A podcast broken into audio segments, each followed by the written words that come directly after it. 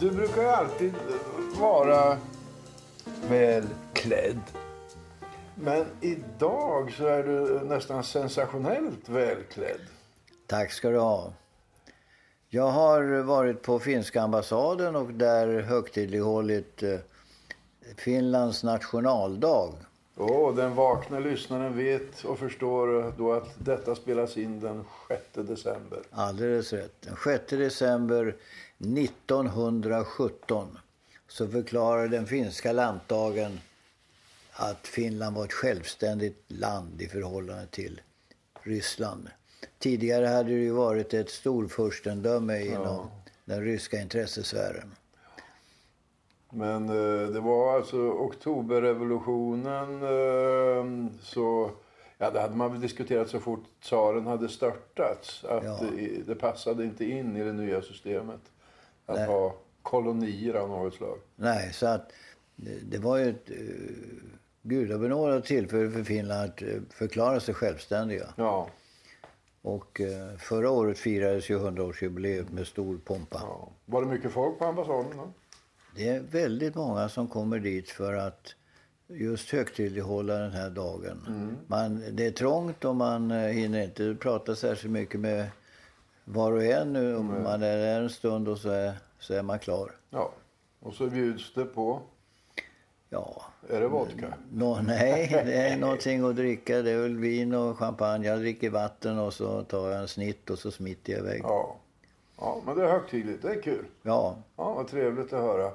Du, kommer du ihåg att vi för några poddar sedan, Hans, eh, tog upp eh, det här med att barn, eh, hur barn hanteras. Vi tog upp det här med hage. Ja, det, var du, det var du som, var tog, som tog, upp ämnet hage och jag uttryckte en viss tveksamhet till ja. hage.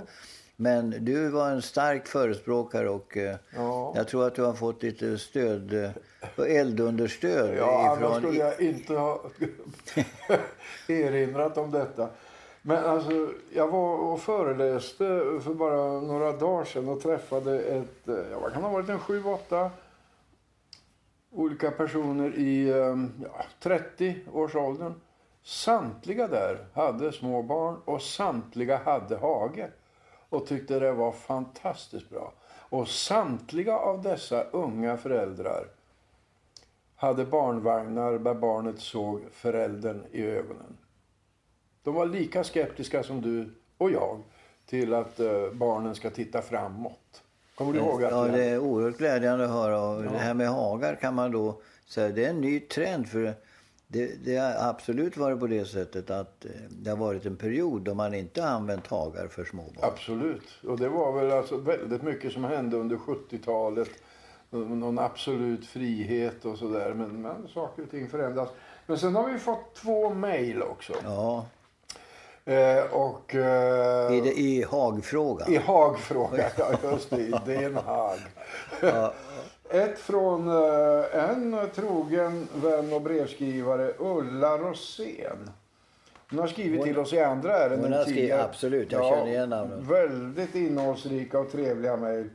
Fortsätt att skicka mejl Ulla, och alla ni andra också, till uh, vidmogenalder snabela gmail.com.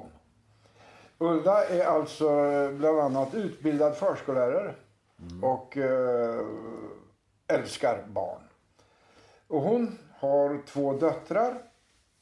Eller de äldsta döttrarna eh, hade hon i hage.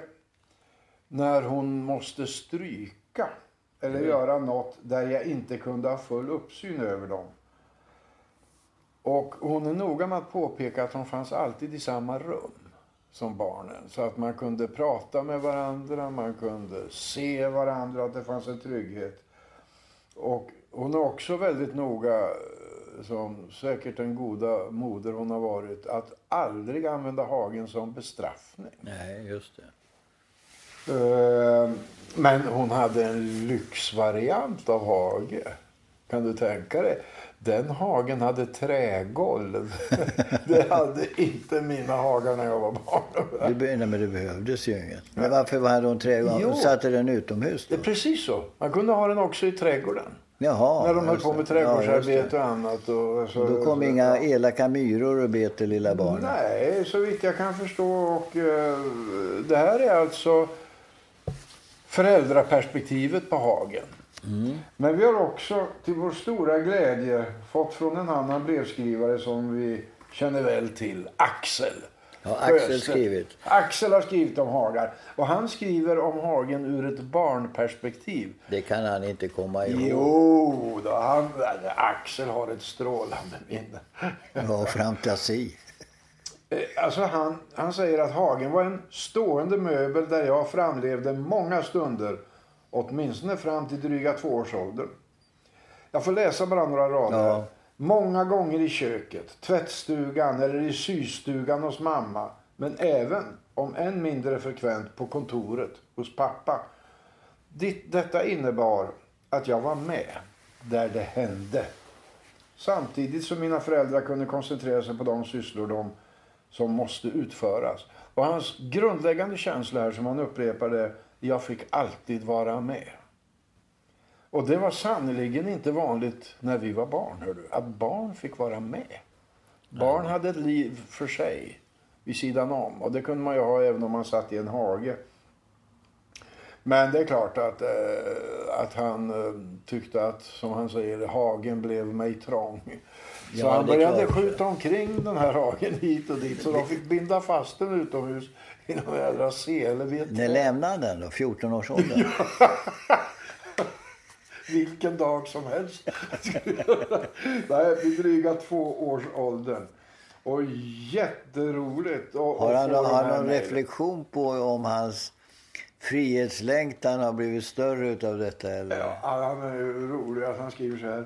Huruvida hagvistelserna gjort att min frihetskänsla blivit stark i vuxen ålder lämnar jag till dem som tror sig vara bättre att bedöma min vandel. ja, det, är roligt. det, är så att, det var skojigt tycker jag. Men vi har faktiskt fått stöd nu. Vi har inte fått, jag har inte hört från någon som jag har pratat med och vi har inte fått något mejl som vänder sig mot Hagen. Nej, när du pratar om hagar och frihet.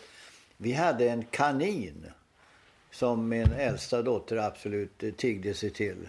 Kaninen fick namnet Sigvard. Och jag sa, gå med på att vi ska ha en kanin och den får heta vad den vill. Men den ska framförallt sitta i en bur. Ja, det tror jag. Och det, det, det sa man ifrån, både Anna, min fru och eh, min dotter sa ja, han ska få sitta i bur. Efter två timmar så började de säga det här är inte snällt, det är djurplågeri, vi måste släppa ut Sigvard. Så Sigvard fick då ett litet utrymme utanför tvättstugan där han skuttade runt. Men det tog ju bara någon timme till eller något dygn kanske. Så klagade min dotter och sa att han har alldeles för trångt där inne och, eh, och det, linoleummatta är ju ingenting mot en heltäckande matta. Så, och Sigvard var mycket snabb på att använda sig utav... Begåvad. Ja, han, han, han var väldigt renlig så att allting hamnade i den här lilla lådan som han hade fått.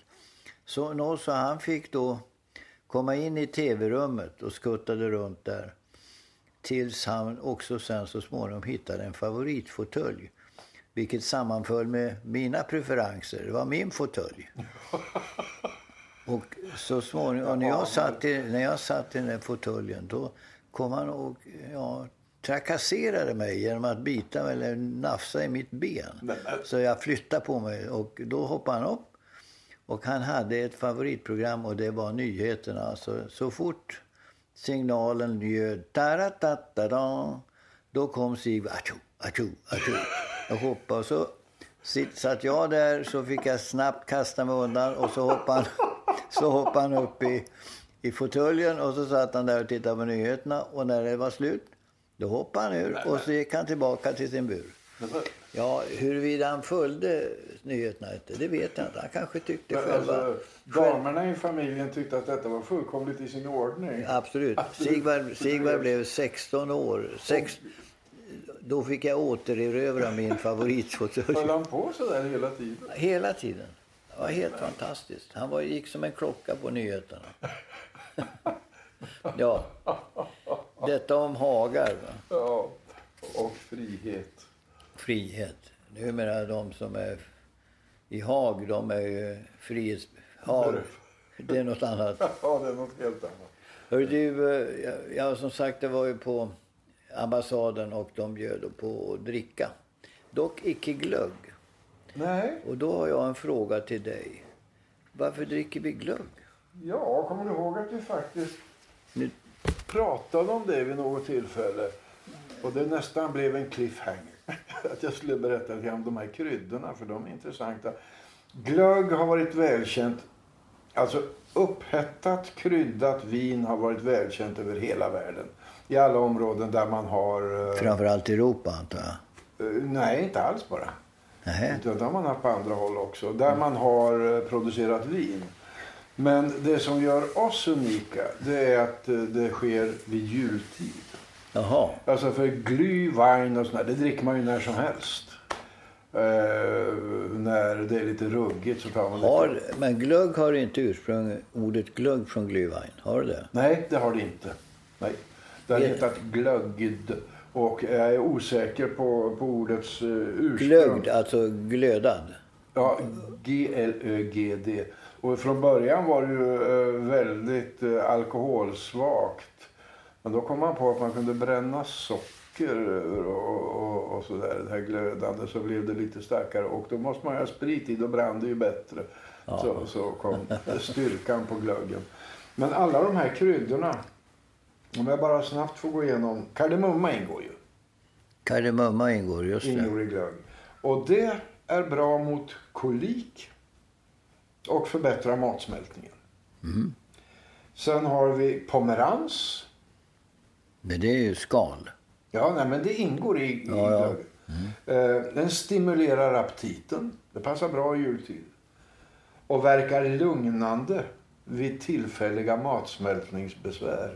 Alltså, Sen har vi kryddnejlika. den är ju väldigt typisk. Den är smärtstillande och motverkar illamående faktiskt. Eh, vi har ingefära. Mot, också mot illamående och stimulerar blodcirkulationen i hjärnan. Det kan man behöva kring jultid eller inte. Sen har vi kanel mot aptitlöshet och dålig matsmältning. Och så fikon som också har ingått i, i glögg. Milt laxermedel som kan användas vid matsmältningsbesvär. Det är nog ingen tillfällighet alltså att det mesta av detta handlar om Magen. och magen och matsmältning och eh, den feta julmaten och så. Men eh, dricker du mycket glögg? Jag dricker inte yes, jag dricker mycket sällan glögg. Jag tycker att det är sött och sliskigt. Men, Men det alltså- går dit man kan spä på så blir det Ja. mindre sött och sliskigt. Ja.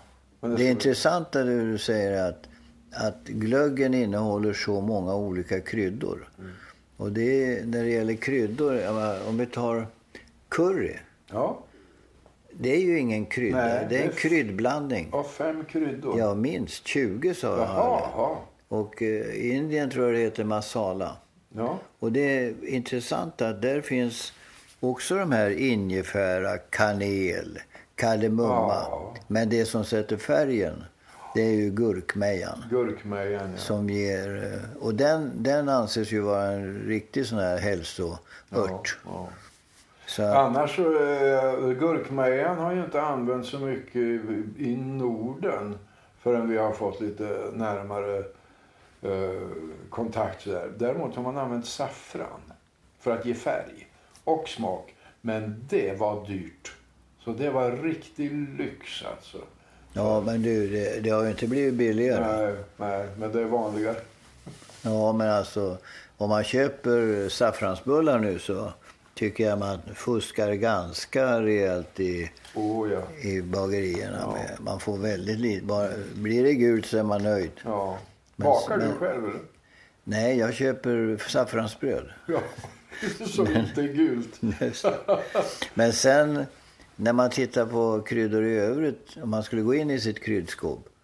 Timjan, typisk eh, rört ifrån, eh, ja, ska vi säga södra Frankrike. Ja. Där har vi strövat omkring och plockat timjan, Anna och jag. Det, det har man väl till en massa kötträtter och sånt där. Ja. Me- Mejram, Ja. det hade man i ärtsoppa. Va? Ja, ja. Var inte det timjan? Ja, det är olika. Ja. Och sen eh, koriander. Ja. Det, men det tror jag är indiskt. Va? det är tänkbart. Du, jag kan inte. Nej, dragon. Dragon det är ju det som man har i bearnaisesås. Jajamän. Eh, och det kommer, jag vet inte varför det heter dragon. På franska heter det estragon. Så det, Estragon, ja. så att det är säkert eh, släkt på något sätt. Kummin. Kumin. Det, det var man i eh, bröd. Kummin. Ja, ja. Kumminbröd. Ja, nyss. Ja. Ja. Ja, du, det, det, alltså hela det här uppsättning, kryddorna, är ju helt Det fascinerande. skulle vara intressant att veta mera i detalj tycker jag vilka kryddor man använde innan vi hade de här intensiva handelsförbindelserna. Ja, just det. Och, och det var väl i mycket hög grad på svensk botten var det ju salt förstås. Just det. Och det var, det var också dyrt. Var det, Det var dyrt, ja. Det var dyrt. Eh, Peppar då? nej. Varför säger man dra dit pepparn växer? Ja, för att det låg långt bort. Ja, det låg Det i alla fall varmt. Ja, Dra det- åt hel- Pepparn låg i alla fall utanför sockengränsen. Men varför heter det pepparkaka då? Det innehåller ju knappt någon peppar. Kryddor. Nej, men det beror ju på att förr kallades alla starka kryddor med samlingsnamnet peppar. Alltså. Egentligen borde de kanske hetat kryddkaka eller så. Men peppar var ett samlingsnamn. Ja. ja. För många olika alltså starka kryddor, det kallades peppar.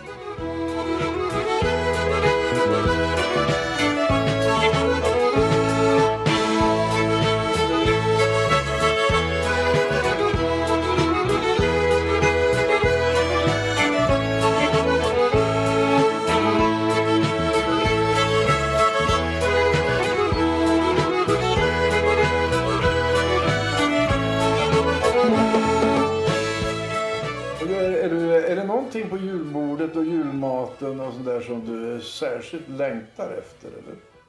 Jag tycker att det, det mest spännande på julbordet det är sill, sill, de olika sorterna, hur man bereder sill. Och sen rökt och gravad lax. Jaha. Sen är jag nästan nöjd. Ja. ja. Men sen ska man ju runt och dra i sig... Jo, lutfisk. Tycker du om Det- lutfisken? Det är en av de, jag tillhör den här utdöende arten som Ja. gillar lutfisk. Ja, jag är inte särdeles förtjust men jag, alltså jag tycker Ja, det är som, mycket om det, såsen. äntligen någonting som skiljer oss. Vi har haft en stor dispyt om hagar. Nu, har vi, nu kanske vi kan göra en historia av Ja, lutfisken. ja jag, jag kommer att ändra mig. Nej, men eh, ja, jag vet inte riktigt. Alltså, grönkål är ganska nytillkommet på julbordet Ja, men det är här härligt. uppe. Mycket. Inte i Halland, men här uppe. I Stockholm och mellan. Äter du grönkål? Ja, fast inte på julbordet. Nej, vi gör grönkålssoppa ibland. Och då gäller det att man, om man har sån här stavmixer, att man håller den ordentligt Ja. nere i grytan. Jag kommer ihåg att jag skulle göra, fick uppdrag att eh, göra grönkålssoppa med en stavmixer. Och var lite lättsinnig när jag lyfte upp den. Oh. Det, det sprutade ju grönt över hela köket innan jag hann förstå att det var jag som var skuld till alltihopa.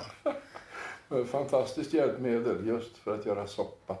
Är du, är du, ehm, är du svag för traditioner överhuvudtaget så här kring jul? Ja, det där är en bra fråga. Egentligen är jag väldigt lättsinnig i förhållande till traditioner. Men tycker de är trevliga när, de, när, de väl, när man väl är där. Ja. Men skulle jag åka utomlands och vara borta så skulle jag kunna hantera det också. Ja, visst. Men, men jag tycker att eh, det är jag som gör jul, sätter upp julgranen och sätter upp ljus och sådär. Jag tycker att det, det är ganska stämningsfullt. Ja, visst är. Och man behöver i den här, oh, den här grå perioden hitta på saker och ting som gör det lite ljusare och lite gladare och lite, lite, det blir lite festival över det hela. Ja, visst. Nej, jag håller med. Men jag tycker också, och det tycker jag det talas väldigt sällan om, att det finns någonting lite, lite smärtsamt eh, över traditioner. För att du och jag, liksom alla i vår, vi kommer ihåg hur jularna var när vi var små. Mm. Och eh, det vet vi att eh, det kan aldrig återupplivas. Det kan aldrig bli på samma sätt. Det, och, och personer vid traditionella middagar på nyår eller på julafton så är det någon som har gått bort och så står det en tom stol där plötsligt. Så det är, men det är, jag, jag gillar traditioner också, alltså inom rimliga gränser. Men precis som du, jag kan vara utan dem. Jag menar, både du och jag har ju tillbringat tid utomlands. Där, Ja. där det liksom passerar. Jag kommer ihåg när vi bodde i Australien så skulle vi då fira jul så mycket, så nära svensk jul som möjligt. Men det var 40 grader varmt och de här stearinljusen vi hade, de, de, de blev så varma så de kroknade och hängde som tulpaner. Det, det ju- blev väldigt konstigt. Ja, visst. Jag tog in någon palm när jag jobbade i, eh, i Kenya för att ha som julgran. Det var inte riktigt samma stuk, men det var inte så noga. Nej. I Australien firar man julafton väldigt mycket nere på beachen. Jag såg det. Det Jaha. gjorde de, ja. Det, jag skulle vilja ta upp en annan fråga. Och det gäller nyhetsförmedling i sociala medier.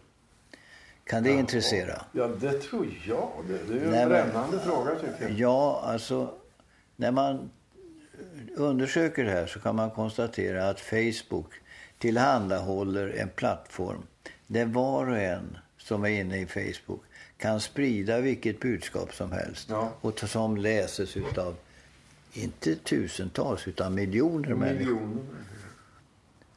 Och man kan komma med vilka absurda påståenden som helst utan någon koll utav sanningshalten.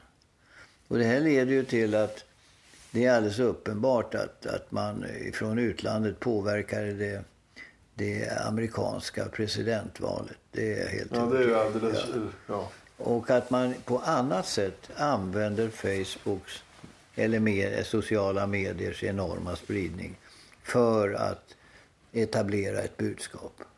Och man tror att de här budskapen till exempel kommer ifrån New York eller från Charles i Kalifornien. Men egentligen så sitter det Baris i, i Moskva och skickar de här.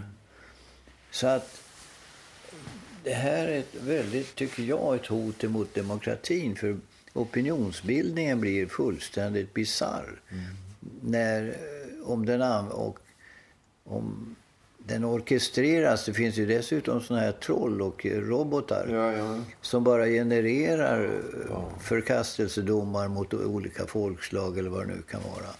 Det, jag ser stor fara i detta och därför tycker jag att man måste vara väldigt mån om de etablerade medierna. Och eh, då tänker jag på tv, på, på tidningar. För att de har i alla fall... Och radio. De, Poddar.